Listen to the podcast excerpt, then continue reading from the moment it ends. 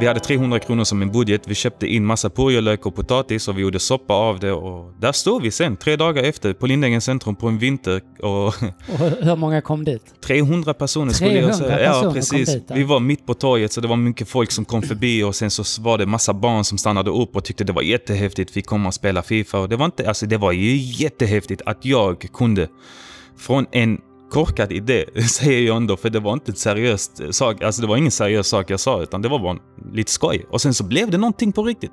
Skulle jag ändå säga att jag upplevde en massa egenmakt. Liksom jag fick den här känslan i mig som verkligen pirrade. Dagen efter vaknade jag och tänkte yes, alltså jag är relevant, jag är viktig, jag kan påverka, jag kan göra något. Sen dess har jag verkligen, verkligen kämpat för att andra ska få den känslan. Demokratin står inför en rad utmaningar. Men vi kommer inte att lösa någon om inte de unga är med på tåget. Om inte de unga är eller tillåts vara delaktiga. Så är det. Hur vår framtid kommer att se ut hänger på de unga. Och hur sugna de unga är på att engagera sig, ja, det hänger rätt mycket på oss som är äldre idag. Välkomna till det första av tre specialavsnitt av Samtidspodden, där vi gör Altitude Meetings multimediakonferens Push Summit till en del av inslagen. Förutom de här poddarna blir det även videoföreläsningar och liveföreläsningar om demokrati och klimat. Och ni hittar allt samlat på altitudemeetings.se. Kika gärna in där. Idag ska vi alltså prata om de unga och framtiden och det ska vi göra med Anas Mohammed och Nervid Esmailsson som sitter mitt emot mig. Välkomna! Tack så jättemycket. Tack så mycket. Eh, Annas, du är 25 år och du jobbar som projektledare på Motettens Folkets hus i Malmö med målet att ta tillvara ungas engagemang, stärka deras egenmakt. Och vi kommer tillbaka till det. Men jag tänkte att vi kan börja med att säga några ord om området Lindängen i södra Malmö där du jobbar och där ni båda är uppväxta. Jag ska säga att Lindängen eh, byggdes i slutet av 60-talet, början av 70-talet. Det är en del av miljonprogrammet och idag så bor här ungefär 7000 människor. Annars berätta, vad är det här för område? Alltså, Lindängen ligger väldigt, väldigt varmt om hjärtat för mig. Eh, och jag har svårt att ge en objektiv bild på området. Eh, precis som du nämnde, både jag och Nervid är uppväxta i området och idag har vi roller och den äran att få jobba på området, med området. Eh, och ja, men för mig, om jag ska beskriva Lindängen, då är det väldigt grönt, det är väldigt fint, vackert. Jag kan tycka att Lindängen är nära till allt. Eh, Kanske inte är det egentligen, det är lite utanför. Ligger i södra, i ett område som Mm. heter Fosie. Eh, och ja, där finns det. Det finns eh, två skolor. Den ena är på gång, byggs upp och renoveras. Eh, överlag är det väldigt mycket människor som kanske har en annan etisk bakgrund. Eh, på papper är det väldigt hög arbetslöshet. Jag kan tycka annorlunda. Det är ett så kallat socioekonomiskt utsatt område. Jag gillar inte den termen eller den definitionen. Jag brukar kalla det för politiskt försummat område. Vi har många utmaningar på Lindängen och det får man inte kasta mellan stolarna.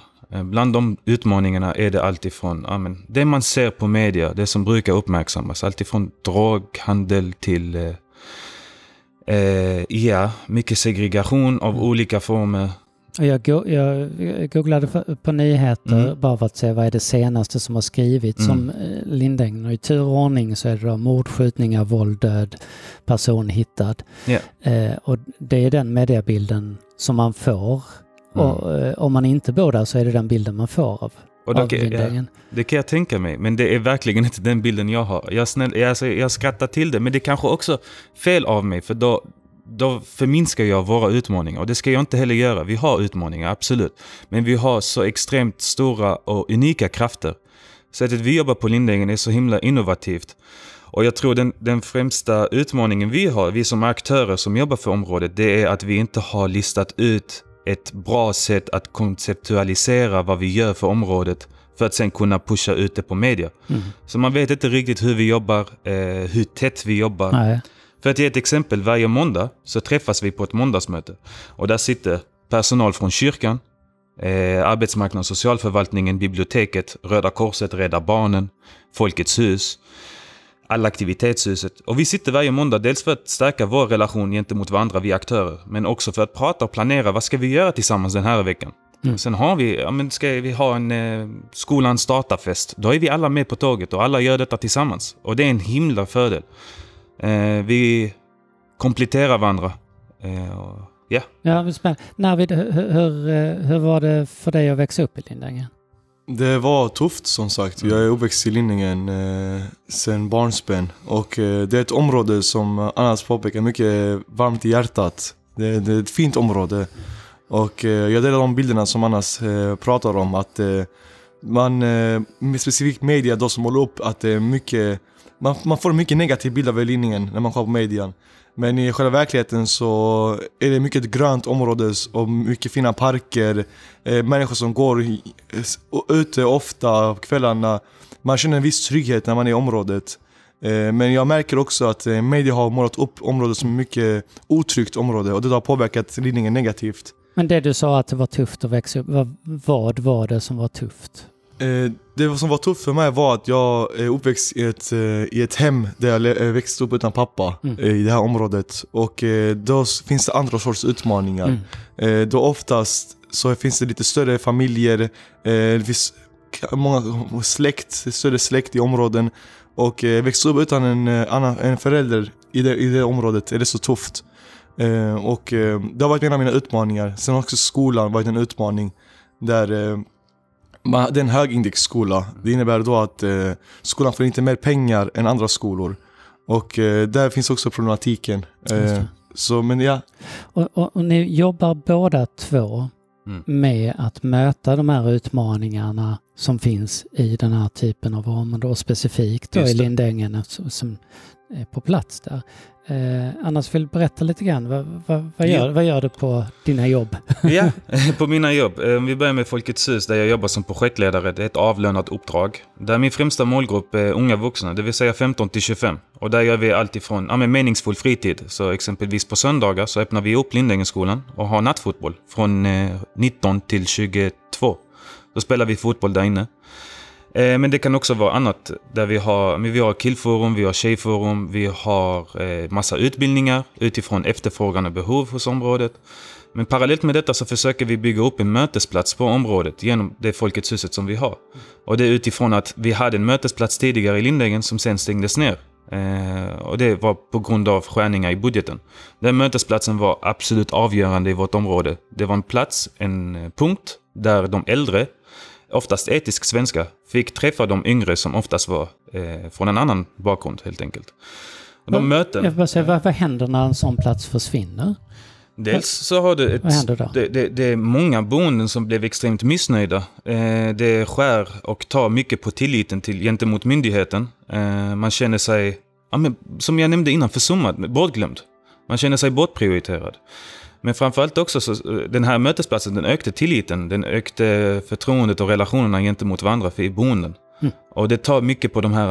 Eh, det gör det verkligen. Och helt plötsligt har vi pensionärer som inte kan träffas längre. De sitter utanför på en bänk. Eh, de kan inte få sitt kaffe. Alltså för dem, för, för det, kan, det kan låta lite sådär, ah, men vad fan, vem bryr sig? Men det är jätteavgörande för dem. Det är det, är det enda de har. Mm. det, och sen för, för oss unga, ja, men det var ju en plats vi fick samlas på. Vi har ju fortfarande fritidsgården, men där är det en eh, åldersgräns. Vi som är över gymnasieåldern, vi kan ju inte komma in dit på en lördag eller bara hänga där. Det går ju inte. Navid, du har också väldigt många hattar på dig. Du, du jobbar med, med många saker. Vill du berätta lite kort vad du gör? Jag jobbar i Zigzag-föreningen eh, som är eh, grundligen från Rosengård. Men vi har varit etablerade i Linningen de senaste åren eh, Där vi har jobbat med många olika frågor. Och det har varit, en av punkterna har varit ungas inflytande, eh, höja rösten för folket. Och det har varit många punkter som sagt där man haft eh, olika aktiviteter för att eh, gynna barnen och de unga i området. Och där har jag jobbat som en eh, handledare och eh, en samordnare. Där jag har fått samordna olika sorts events och eh, även leda olika grupper eh, för att eh, ja, hjälpa barnen i området. Ja, när vi ska prata lite grann om, om eh, engagemang och om, om egen makt. V, vad innebär de orden för er? Egenmakt och engagemang. Vad, vad tänker ni på när ni hör dem? Utifrån e, era arbeten så att säga. Så engagemang, engagemang är ett eh, begrepp man ofta stöts på eh, när man jobbar med människor med socialt arbete. Och ofta så brukar man förknippa med ungdomar med att ja, men de saknar engagemang eller att ungdomar kan tappa sitt engagemang. Och det är jag starkt emot. Utan ungdomar har väldigt, väldigt mycket engagemang. Det gäller bara att ta vara på det eller hitta det och, och verkligen förvalta det. Det är ens uppgift som pedagogen i rummet eller mentorn. Eller, man, man kan kalla det vad man vill egentligen. Men så länge du är en aktör och du jobbar med ungdomar, då är det din uppgift på något sätt att förvalta den, det engagemanget. Ta vara på det, hitta det. Eh, och sen egenmakt. För mig är det oerhört viktigt. Det är känslan av att kunna påverka sitt egna liv, sin närmiljö. Att man har kontrollen, styr över sina egna handlingar och beslut i livet. Och det är, det, det är lite flummigt. Det, det är så det ska vara, för det är inte så fyrkantigt egentligen. Man kan inte enkelt definiera egenmakt. Så kan man ta det ett steg vidare och prata om kollektiv egenmakt. Och det är hur kan vi på området, vi som bor här i Lindängen, genom de handlingsutrymmen vi har fått till oss. Eh, öka levnadsstandarden, tilliten eller tryggheten på olika sätt. Men, men just annars du sa att, att, att, att man yeah. pratar om att engagemanget försvinner där du, mm. där du är skeptisk. Men att känslan av egenmakt kan mm. naggas i kanten och, bli, och vara låg. Kanske ja. speciellt i vissa områden. Det uppfattar jag som att ni tycker är ett problem. Så är det. Så, alltså, många gånger så tenderar ungdomar att känna att makten är långt ifrån dem. De, den är förkastad och man kan inte påverka mycket utan man, man får leva med det man har. Men om, om jag får så berättar jag gärna hur jag slängdes in i det här sammanhanget och hur mm. jag upplevde egenmakt. Gör det. Och det började med att jag engagerade mig ideellt. Jag eh, gick med i olika möten, satte mig där. Jag var fortfarande student och eh, jag hade inte riktigt någon tjänst i den här, jag hade ingen roll men jag ville vara med och, och, lyssna in vad som hände i mitt område. Och där satt jag. Jag befann mig i en konstellation i ett möte där man pratade om vad ska vi göra för ungdomarna eh, ja, men den här veckan. Eh, så. Och då kastade jag ut ett väldigt sarkastiskt svar. Verkligen med all ironi sa jag vi ska spela Fifa utomhus på Lindängens centrum. Mm. Eh, och till min överraskning så, så togs det väldigt starkt emot. Och bara ja, det gör vi. Vi tar ut en projektor, vi tar ut ett tält och sen så kastar vi detta på Lindängens centrum på apoteket. Vi står utanför Willys. och eh, en, vi hade fyra dagar att planera. Det här var på en måndag. Jag tror vi gjorde det på en torsdag. Vi hade 300 kronor som en budget. Vi köpte in massa purjolök och potatis och vi gjorde soppa av det. Och där stod vi sen, tre dagar efter, på Lindängens centrum på en vinter. Och, och hur många kom dit? 300 personer skulle jag säga. Ja, precis. Vi var mitt på torget så det var mycket folk som kom förbi och sen så var det massa barn som stannade upp och tyckte det var jättehäftigt. Vi kom och spelade Fifa och det var inte, alltså det var ju jättehäftigt att jag kunde från en korkad idé, säger jag ändå, för det var inte en seriös eh, sak. Alltså det var ingen seriös sak jag sa, utan det var bara lite skoj. Och sen så blev det någonting på riktigt. Där skulle jag ändå säga att jag upplevde en massa egenmakt. Liksom jag fick den här känslan i mig som verkligen pirrade. Dagen efter vaknade jag och tänkte yes, alltså jag är relevant, jag är viktig, jag kan påverka, jag kan göra något. Och sen dess har jag verkligen verkligen kämpat för att andra ska få den känslan. Och den, den känslan, det kan vara det kan vara att göra en Fifa-turnering, men det kan också vara att göra något annat. Det kan vara att arrangera en fest. Det, det, är väldigt olika, men för mig är det viktigt att man delar med sig av den här, att det här finns, du kan göra detta.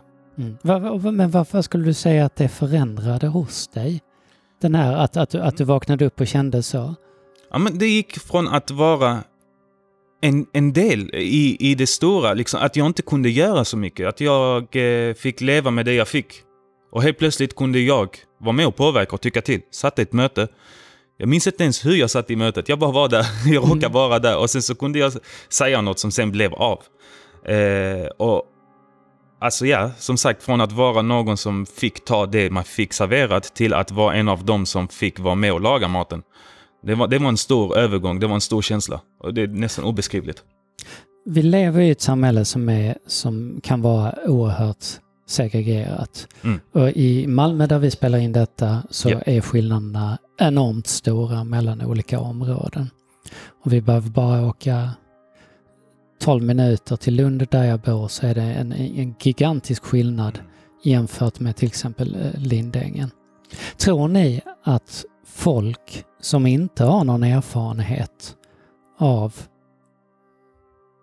problemområden eller utmaningsområden eller vad vi nu ska kalla dem för. Mm. Tror ni att de kan förstå det här som ni pratar om när det gäller egenmakt och, och den känslan att man inte har det? Vad säger du Navid? Jag känner kort där att eh, jag tror inte det. Jag tror man måste vara i ett sånt område och eh, antingen engagera sig eller bo där för att eh, förstå den problematiken som uppstår och som finns i det här området.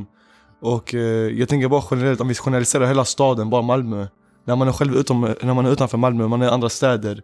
Så bara man påpekar att man är från Malmö så kommer alltid en signal upp för dem. Ja men jag har hört att det är tufft där, jag har hört att det händer många, många oroligheter, det är mycket farligt. Kan man gå ute på kvällarna, är det verkligen sant? Men i linningen kan man se en, en, en äldre dam med sin eh, kanske lilla hund klockan 12 på kvällen och gå- bara gå runt. Och det där är detta område som kallas för no-go zone av alltså, myndigheter. Så som sagt, man, får, man, får man, man generaliserar hela, eh, själva området och även hela staden utifrån en problematik som uppstår. Och vi ska ju prata om unga och demokrati här. Eh, eh, Berätta, hur hänger detta ihop med känslan av egenmakt? Ska jag börja? Jo, men alltså så här, eh, demokratin känns väldigt selektiv, lite som filosofi, lite som... Det är ett svårt begrepp, det är eh, långt förkastat. Det är inte jag som styr, jag har ingenting med demokrati att göra. Utifrån en ungdomsperspektiv då, det är så man brukar tendera att tänka. Eh, och sen så är demokrati oerhört viktigt. Jag kan också tycka att ungdomar idag tar för givet den demokratin vi har i Sverige. Man känner inte till eh, arbetarrörelsens historia, man känner inte till hur fackföreningar byggdes till eh, hur vi fick våra rättigheter, hur kvinnan fick sin rösträtt. Utan man, man, man kastas in i det som redan finns och sen så tenderar man att ta det lite för givet. Men är det alltid någon annans ansvar att... att Absolut att, inte. Att, eh, Jag tänker, vi, vi har jättemånga förutsättningar som vi faktiskt inte känner till. Eh, två exempel. Ett, det första är Malmöinitiativet, där vem som helst kan skriva ett förslag och sen får den 100 röster. Jag tänker för en ungdom i ett socioekonomiskt utsatt område, det är inte svårt att få 100 röster. Vi, vi brukar röra oss i, i större grupper. och då Eh, tas det upp av... Precis, då kommer det upp på kommunfullmäktige. Mm. Eller det bör det göra i alla fall. Mm. Ett annat är Malmö stads felanmälan. Eh, øh, där man kan ta och, och säga att det är en trasig bänk. Då tar man en bild på den och laddar upp den. Man lägger till var man är på kartan och sen så skriver man här är en trasig bänk och sen bör det åtgärdas då. De här funktionerna känner vi inte till. Eh, øh, så det, det, det är ett informationsgap där, där stats, eh, ja, men personalen sitter i sina kontor och tycker att Boenden i Lindängen är nöjda med sina områden, för vi får ju inga stat- eh, felmarkeringar. Samtidigt går vi runt i våra områden och tänker att Malmö stad bryr sig inte om oss, för att de gör ingenting åt det. Så här är vår roll som aktörer, som folk som jobbar med de här frågorna, att se till att utbilda ungdomarna till kanske till och med ambassadörer för dessa frågor. Att nu kan ni detta, nu vill jag att ni utbildar era vänner, prata med era föräldrar på matbordet om detta. Se till att anmäla så mycket fel ni ser. Och ser ni en skillnad där när ni gör detta? Ser ni en förändring? Ja, såklart. Förra året blev det till och med uppmärksammat av eh, Sydsvenskan, skulle jag tro det var. Yes, det Där var var det. du med i en artikel, vill inte du berätta lite om det? Ja, eh, jag blev, jag hade, vi hade ju som sagt det här förra året och eh, då fick vi den här idén av eh, Mina Mm. eh, som jobbade i Rädda Barnen den tiden då. Och eh, då påpekade hon att det hade varit bra om man gick i området och felanmälde vissa saker. Eller generellt det man ser. Det kan vara som sagt som annars påpekade, en trasig bänk till ja, en trasig dörr. Vad som helst. När man skulle anmäla det i alla fall. Och eh, det som hände då är att vi har felanmält eh, många olika objekt i området. Och eh, då hade Sydsvenskan eh, tillfrågat frågat oss om de kunde dra en intervju och prata lite om själva föreningen och området. Eh, vad man bidrar till och eh, själva just den här felanmälan. Vilket, gjorde en bra, vilket visade sig en bra resultat då vi fick mycket exponering. Och att många som eh, kollade och läste den här artikeln blev också uppmärksammade av detta. Då, så många kände inte till detta tyvärr. Så, när, när vi pratar om unga och, och, och demokrati. Vi har ju, har ju eh, jättemånga områden i samhället och i, i, eh, i de typerna av områden som vi pratar om här. Vi har segregering, vi har utanförskap, vi har Mm. rasism, Oh ja. vi har en, en stängd arbetsmarknad, vi har skolor som inte riktigt fungerar, vi har stadsplaneringen som inte riktigt fungerar, vilket Mm. vi har pratat om, om här. Vilka skulle ni eh, säga är de, de, de stora, utifrån era arbeten, är de stora utmaningarna när eh, det gäller unga och demokrati? Jag skulle säga att alla hänger ihop. Alltså det som har blivit med Lindängen, det är det är nästan ett transitområde. Det säger att man är där och man mellanlandar. Sen när man får en utbildning eller vill starta en familj, då tenderar man att flytta därifrån. Och tyvärr är det så att det folket som finns kvar i Lindängen, det är oftast äh, lågutbildade, äh, låter det lite elakt, det är inte det min mening är, men som sagt, man vill flytta ifrån Lindängen. Det finns en falsk romantik om att det är bättre på andra sidan gränsen av området. Eh, det, och, och, det är utifrån alla de grejerna du nämner. Att men stadsplaneringen är, är, är, dålig. Får man barn då vill man att de går på en bra skola. Lindängenskolan, men det är ingen skola man satsar jätteenormt på. Eh, alla de här grejerna hänger ihop och det tar mycket på eh, boenden. Och det skulle jag säga är det absolut värsta. När våra boenden tappar hoppet. Mm. När våra boenden ger upp på området och man känner att man vill bara flytta därifrån. Det, det skulle mm. jag säga. Och hur vänder man det? Det, jag, jag tänker det, det, det är svårt att jobba för då går vi in på individnivå och vi märker många gånger när vi gör vissa insatser att det här är ett väldigt långsiktigt arbete. Exempelvis när vi är ute på torgen och grillar hamburgare. Då är det oftast en hamburgare per person, men det är väldigt svårt för vissa att förstå det. Och det, men ska man ha en till och en till och en till. Och det är utifrån att, jag men, vi, vi hade den dialogen, jag och en vän som jobbar på Röda Korset, och han blev väldigt ledsen över att oavsett hur mycket vi gör så, så tenderar vissa boenden att vara lite missnöjda. Men vi delar på choklad, men varför delar ni inte ut eh, vatten? Vet ni inte att vi blir törstiga efter mm. chokladen? Mm. Den här otacksamheten kommer egentligen utifrån att man är från länder där när man går ut och handlar så finns det inga priser på varorna, utan det är förhandlingsländer. Det är länder där man inte har tillit för eh, myndigheter, så att man, man vill alltid förhandla mer. Och återigen, då går vi in på individnivå för att ändra det, det, det tar extremt lång tid. Det är en fråga om integrering och det, integrering är en grej jag växte upp med sedan jag var liten och gick i skolan. Att mm. Malmö är segregerat, men alltså, vi har fortfarande inte riktigt kunnat knäcka det. Tilliten är väl en, en eh, knäckfråga. Mm. Tilliten till myndigheter och Verkligen. tillit till system och, och Jo men så är det och jag skulle, jag skulle tippa på att det är så jag och Navid fick våra tjänster. Att jobba med lokalt förankrade individer, alltså folk som bor i området, som redan känner området. Det är ju många steg före i processen då vi redan har tilliten. Vi har redan kunskapen och förankringen. Vi känner redan folket. Folket känner redan oss. De vet vilka vi är. Eh, men att få dem sen lita på politiker. Men nu har vi stått ute några gånger i torgen och pratat om att man ska gå ut och rösta. Och jag får ofta höra nej, jag vill inte, de här politikerna är hycklare eller vad det än kan vara. Eh, och det, det, kan jag förstå, men att sen kunna vända på det, det är långsiktigt. Det är ett långsiktigt arbete. Mm. Och det är ingenting som faller efter en, över en dag, eller natt så att säga. Sen, sen är det ju också så att, att, att um, när vi pratar om de här sakerna så pratar man ju gärna med, med folk som ni som är från områdena och jobbar där på mm. plats och mm.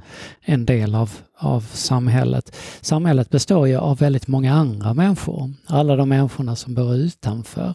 Mm. Eh, vad kan man som individ göra för att öka ungas handlingsutrymme och, och vara en del av att förändra samhället till det bättre oavsett var man bor någonstans?